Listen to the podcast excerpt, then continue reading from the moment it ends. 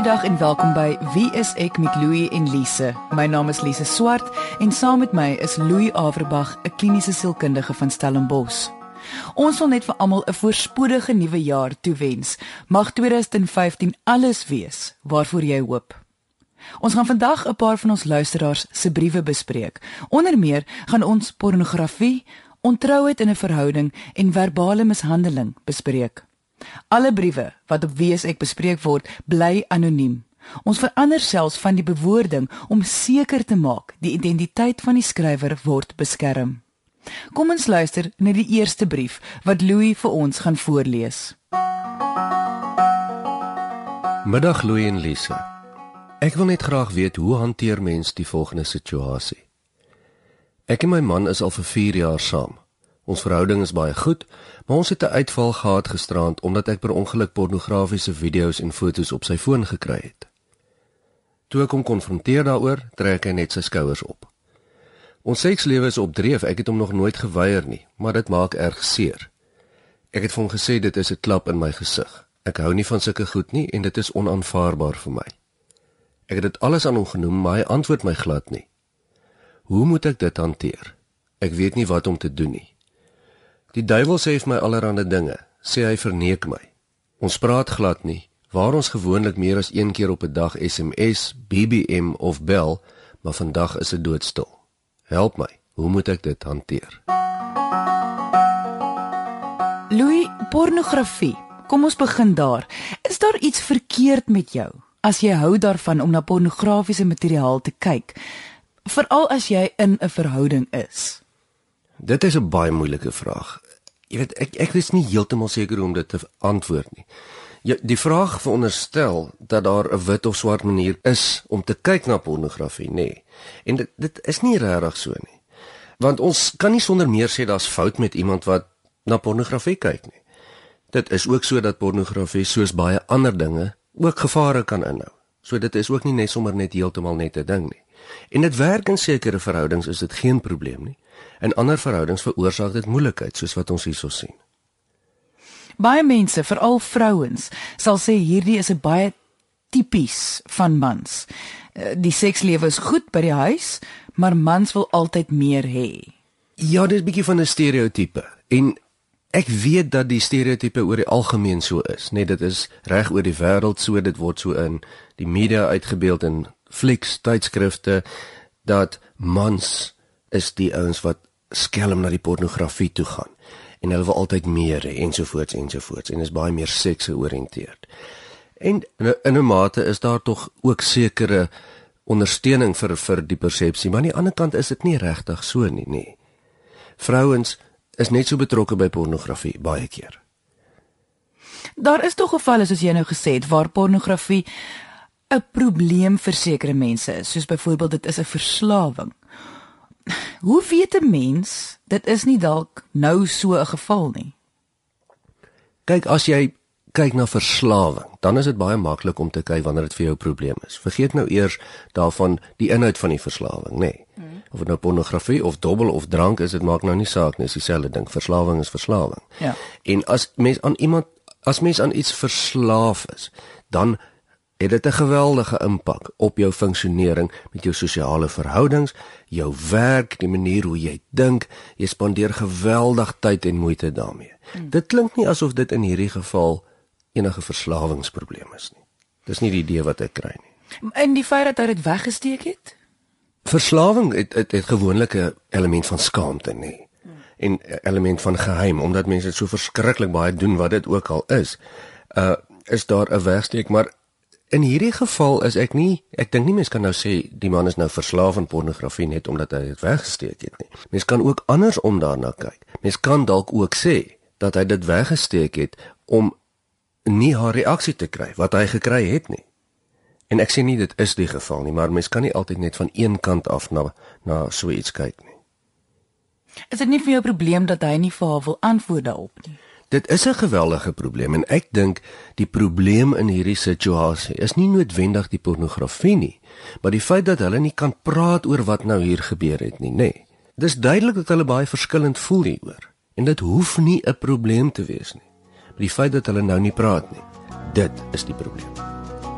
Indien jy wil hê ek en Louie moet jou brief, storie of vraag hier op Wie is ek bespreek, kan jy ons kontak deur ons webwerf wieisek.co.za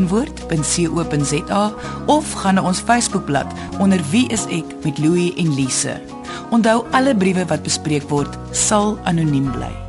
So haar probleem is nie net die pornografiese materiaal wat sy gekry het nie, maar ook die feit dat hy haar nou heeltemal ignoreer. Hoe sal jy dan nou sê as dit die probleem is? Hoe moet sy dit dan spesifiek hanteer? Goed, die probleem kan nie uitgesorteer word as hulle nie hieroor kommunikeer nie. Nee. En haar eerste poging tot kommunikasie het nie gewerk nie. En kom ons kyk mooi wat het sy gedoen? Sy het vir hom laat verstaan dat dit nie aanvaarbaar is nie. Hy moet dit nie doen nie. Sy hou nie daarvan nie. Dis 'n klap in haar gesig.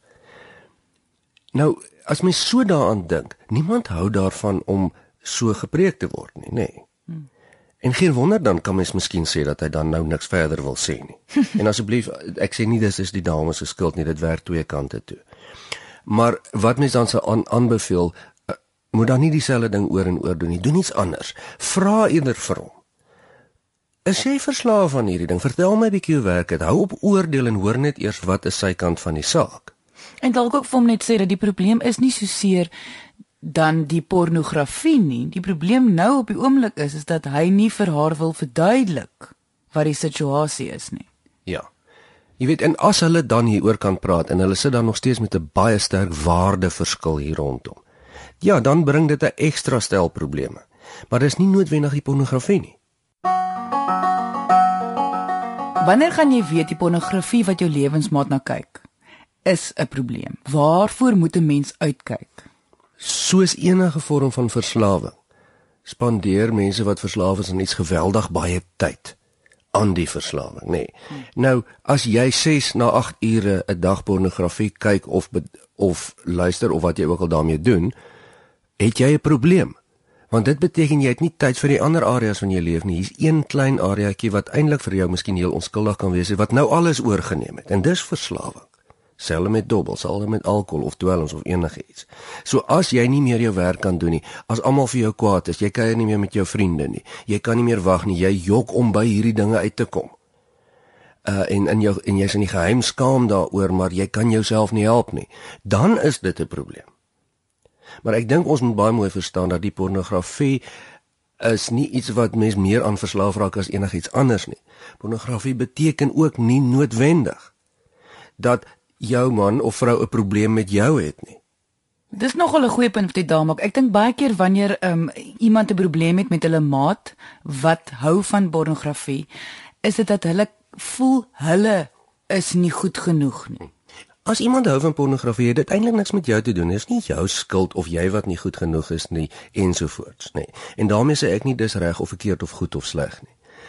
Wat ek wel sê is dat dit die moeite werd is om te probeer uitvind presies wat ander mense dink, hoe hulle oor 'n ding sien, hoe hulle 'n ding verstaan voordat jy aannames maak en oordeel uit uitspreek. Want dan veroorsaak dit gebrek aan kommunikasie. So dit kom alles terug na kommunikasie. Kom maar altyd na na toe terug. Jy luister na Wie is ek met Louie en Lise op RSG 100 tot 104 FM. Kom ons luister na ons volgende brief van vandag. Ek het verlede Dinsdagoggend gehuil want ek moes by my kerel se vriendin hoor dat hulle so lekker seks gehad het. Ek huil sommer weer. Maar hy beloof my dat sy nonsens praat. Sal dit reg wees as ons nou verloof raak. Louis, hierdie probleem kom vir my neer op vertroue. Vertrou jy in hierdie situasie jou kerel meer as wat jy sy vriendin vertrou? Ja, natuurlik is dit hier want ek meen niemand was mos nou daar nie. En beweringe word gemaak in die lewe. So jy's eintlik heeltemal reg. Is hierdie is nou die vraag vat sy nou haar kerel se woord of nie? Maar hoe glo 'n mens iemand? Uh, dit is tog wat verhoudings so moeilik kan maak. Jy weet tog nie wat 'n ander persoon dink nie. So hoe gaan jy weet of die persoon die waarheid praat? Ag mens sal nooit regtig weet nie, nê. Nee, ek bedoel niemand van ons weet regtig wat in ander mense se koppe aangaan nie.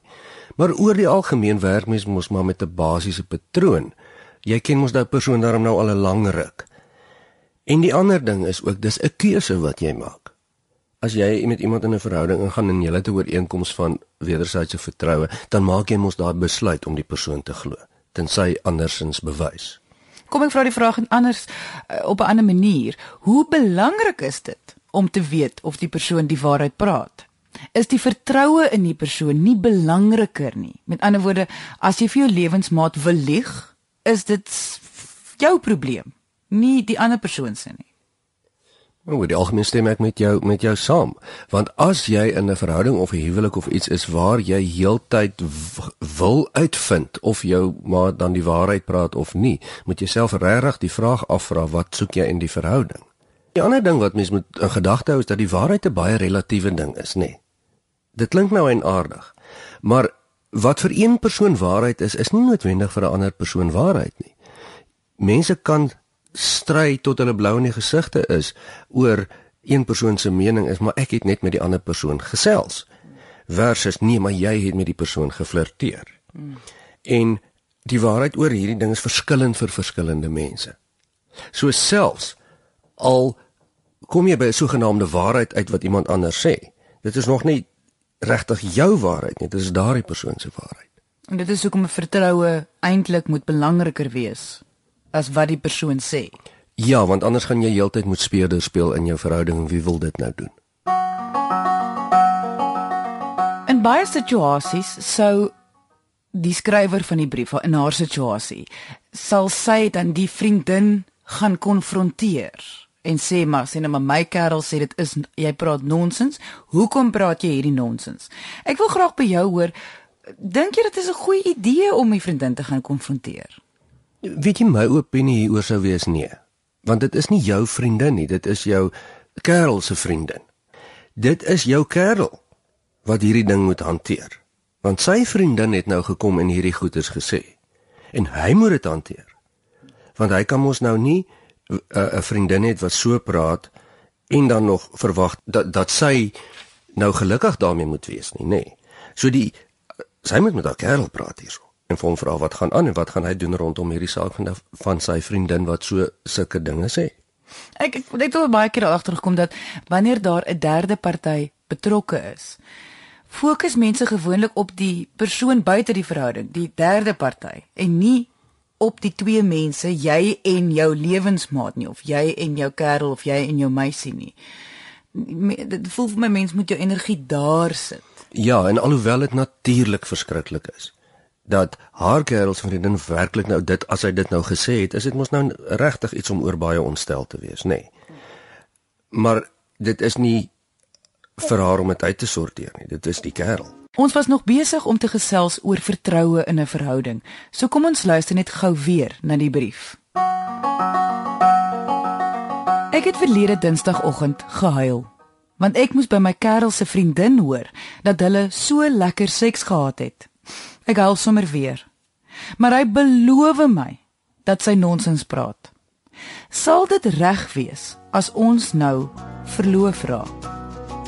Indien jy wil hê ek en Louie moet jou brief, storie of vraag hier op Wie is ek bespreek, kan jy ons kontak deur ons webwerf wieisek.co.za of gaan na ons Facebookblad onder Wie is ek met Louie en Lise. Onthou alle briewe wat bespreek word sal anoniem bly. Louis, kortliks herinner ons net wat ons voor die advertensiebreek oor hierdie brief bespreek het. Ja, een van ons luisteraars het 'n brief geskryf in waarin sy vra wat sy moet doen want haar kerel se vriendin het gesê dat dat die vriendin en die kerel nou seks gehad het. En sy is baie natuurlik baie ontstel daaroor en wat ons oor gesels is waar lê die verantwoordelikheid vir hierdie ding? Wat moet sy doen?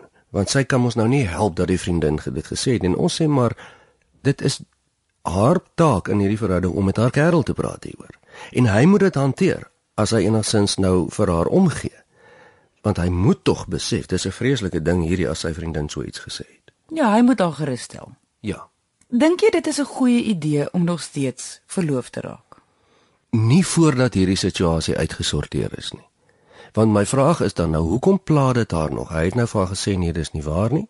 maar sy is nog steeds baie ongelukkig. Nou ek gaan nie gedagtes probeer lees nie, maar iets is nie, sy's nie gelukkig hier nie. En mens kan dan mos nou nie verloof raak en hoop dit gaan van self weggaan nie. Ek ek glo en ek hoop hulle sal dit kan uitsorteer voor hulle dan verloof raak. Ja, maar ek sal baie sterk vir haar aanbeveel om dit maar eers uit te sorteer voor jy verder gaan. So kom ons beweeg aan na die volgende brief. Liewe Louie en Lise, wat moet ek doen? Ek voel soos 'n voël wat in 'n hok vasgekeer is. My man het verkeerde besluite geneem met besigheidstransaksies. Ons was dus in 'n finansiële verknorsing. My seun het op daardie tydstip sy huis verkoop en aangebied om ons finansiëel te help. Anders sou ons alles verloor het. Hy kry toe vir ons 'n huurhuis direk langs hom waarin ons kan woon. Dit is absolute hel. Ek kruip weg agter my gordyne smiddag wanneer ek na werk by die huis kom. My seun kla oor my huishulp, waarom ek elke dag na my werk toe moet ry, my klere. Hy weet ook wanneer ek miskien haar salon toe gaan. Ek het geen vryheid nie. Ek het 'n erge rugprobleem, as ook al twee hartaanvalle gehad en my neurochirurg het aanbeveel dat ek soos 'n porseleinpoppie hanteer moet word en dat daar geen hoop vir my rug is om beter te word nie, want ek het reeds 2 rugoperasies gehad. Ek weet nie wat om te doen nie en voel asof ek heeltemal alleen is omdat my man my geen ondersteuning gee nie en stem ook saam met my seun se verbale mishandeling, want hy doen dieselfde. Ek werk reeds 15 jaar by my man se besigheid. Maar die laaste 3 jaar het ek geen salaris van hom ontvang nie. Ek voel asof ek myself aan die stopstraat by ons huis kan vasmaak sodat ek vir hulle twee kan sê, hulle kan my nou maar met klippe gooi. Want dit sal beter wees as al die verbale mishandeling. Eerste ding wat ek wil weet is, kan iets soos verbale mishandeling geneties wees? Want die seun wat dieselfde doen as die pa is vir my baie interessant. Om jou vraag stom te beantwoord, nee, ek so iets is nie sommer geneties nie. Dis patrone wat aangeleer word, nê, nee, of wat mense kies om te doen. Dit is iets wat mense altyd in gesinne en familiesisteme sien. Dat sekere patrone herhaal word. Dis nie altyd so nie, maar meestal. En in hierdie geval klink dit asof daar die seun maar nou die pa se patroon of die manier van doen herhaal. Uh dit beteken nie is noodwendig geneties nie nee. Sou mens sê hy herhaal dit omdat hy gesien het wat die pa met die ma doen of hierdie pa het ook met hom gedoen en dit is hoekom hy dit nou ook doen. Ag ek wens dit was so eenvoudig dat mense dit kan sê, jy weet, maar dinge werk nie altyd so veral in gesinne dat omdat een dit doen, doen die ander een dit nie. Dis gewoonlik baie meer ingewikkeld as dit. In baie gesinne is daar altyd die ene wat so 'n bietjie die ander moeilikheid gee, nê. Nee. Snaaks is altyd in alle gesinne, alle families is dit so. En as een dit nie doen nie, dan doen die ander een dit. Is amper asof daar rolle is in gesinne wat wag om opgetel te word deur individue. Jy luister na Wie is ek met Louie en Lise op RSG 100 tot 104 FM. Soos ek die situasie sien, Die vrou se probleem is behalwe vir die voorhand liggende verbale mishandeling is dat sy vasgevang voel. As gevolg van haar kom ons neem nou maar aan haar finansiële situasie want sy kry nou al vir 3 jaar nie 'n salaris nie. So sy het geen uitkomkans nie. Ja, dit is 'n gebrek aan opsies. Nou maar hierdie is 'n tipiese voorbeeld van slagoffers van verbale mishandeling. Wat mens dan onmiddellik vra maar as jy dan so swaar kry hoekom is jy dan nou nog daar? En ek bedoel dit nie sarkasties nie dit is tog die eerste relevante vraag nê. Nee. en die antwoord is gewoonlik maar ek het nie opsies nie. Ek het nie 'n keuse nie. Ek kan dit nie bekostig nie. Waar moet ek heen gaan? Ensovoorts. Nee dit is waar. En gewoonlik wil mens ook nie altyd die laaste opsie vat nie. Mens wil graag hê dit moet beter wees Gewoonlik wanneer dit kom by verhoudingsprobleme, probeer ons mense attent maak op die mag van goeie kommunikasie in 'n verhouding. Uh, dit voel nie vir my van toepassing in hierdie situasie nie, want ek voel wanneer dit kom by verbale mishandeling, gaan sy dit nie reg kry om met haar seun of man te praat hieroor nie. Hulle gaan tog nie nou luister en skielik verander nie. So, wat moet sy dan doen? Ek dink jy is heeltemal reg hier. Jy weet, die tydperk wat sy van praat, neem ek aan het verbygegaan wat sy al hieroor geklaar, wat sy tog gevra het en en maar hierdie patroon is baie gefestig. Dit gaan nie verander net deur haar wat nou mooi vra asseblief julle konsidereer my nou ook nie. Dit gaan nie werk nie, nê. Nee. En dit werk al geruime tyd nie. Die probleem is hier dat sy geen beheer in die situasie nie. Sy sê eintlik vir ons in haar brief, hierdie mense doen hierdie goed met my. En ek weet nie wat om te doen nie. Ek kan niks daaraan doen nie. En ek dink sy's reg. Wat kan sy nou daaraan doen? Maar haar oplossing in hierdie situasie lê daarin om beheer te vat oor wat sy kan. En daarmee sê ek nie dit gaan noodwendig 'n gelukkige uitkoms hê nie. Want hier is lyk vir my net na twee opsies. Die een is om dit te aanvaar soos wat dit is, want haar woorde beteken nie veel nie.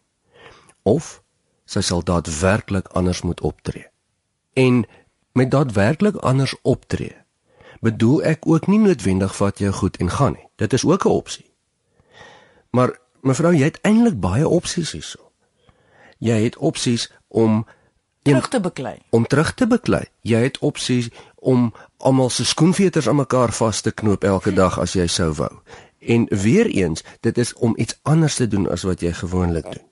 Nee, een van daardie opsies is om ons om mooi te gaan dink en sê as jy nie regtig so kan leef nie, dan moet jy jou goed vat en gaan. Maar jy want, moet 'n keuse maak. Daar is 'n keuse wat gemaak moet word. Ja, want die die keuse wat sy nou maak is om dag na dag dit te aanvaar en of dieselfde strategie te probeer om dit te beveg en nie een van daai twee werk nie. Ek dink baie keer die maklikste manier om dit te verstaan is die man en die seun gaan nie verander nie.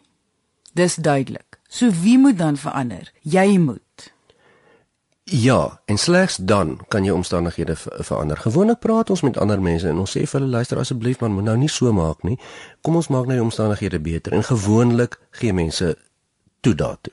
Maar ek dink nie dit gaan hier gebeur nie. So sy sal moet daadwerklik anders optree wat dit ook al is om 'n ander gevolg te kry. As sy nou nou besluit om die opsie te vat dat sy gaan nou maar aanvaar dit is haar situasie. Mens kan mos nou dink dat op 'n emosionele vlak gaan dit in elk geval nie goed wees vir haar nie. Dis nie gesond vir iemand op 'n emosionele vlak om in so 'n situasie te wees nie. Ja. Hoe kan sy dan mooi na haarself kyk? Jy weet, dan weer eens gaan dit wees om beheer te vat oor wat jy kan. Jy sal dan moet maar selfsugtig raak, nê? Nee. En jouself beskerm minder emosionele risiko's neem. Met ander woorde wat mens dan sê, een van die opsies is om die beste van 'n slegte saak te maak. Mm -hmm. En weer eens gaan dit wees op 'n ander manier as wat jy dit nou doen. Jy mens moet net jou eie individuele manier kry binne die konteks waarin jy is. Nadat jy jou besluit gemaak het, maar die punt is hy sal eers 'n keuse moet maak. Baie mooi gaan dink. Wat is my opsies hier? Ek as ek gaan, as ek bly, as ek anders optree, as ek dit doen, as ek dat doen en dan wat sy ook al besluit die beste daarvan te probeer maak. As dit dan nou nie werk nie, dan is dit reg, dan verander jy dit weer. Maar so kan mens nie aankarring nie. En ek neem aan iets soos 'n derde party, 'n sielkundige, miskien 'n baie goeie vriend of vriendin kan vir jou help om daai opsies uit te dink. Want baie keer sit ons mos maar self vas en en dink in sirkels. Ja, en ek dink dis ook hoekom die dame die uh, brief vir ons geskryf het, want sy wil sy voel alleen, nee, sy weet nie wat om te doen nie en, en dit is mos te verstaan. Nie en sy het nie ondersteuning nie. So kry ondersteuning. Dan is dit altyd baie makliker. Ons het aan die einde van vandag se episode gekom. Indien jy 'n vraag het oor enige van die onderwerpe wat ons vandag bespreek het, kan jy ons kontak deur ons webwerf wieisek.co.za of deur RSG se webwerf rsg.co.za. Jy kan ook kom saamgesels op ons Facebookblad onder wieisek met Louie en Lise. Dankie dat jy vandag ingeskakel het. Ons maak weer so volgende Vrydag net na 12:00 hier op RSG. Jy moet 'n heerlike naweek hê en onthou, kyk mooi na jouself.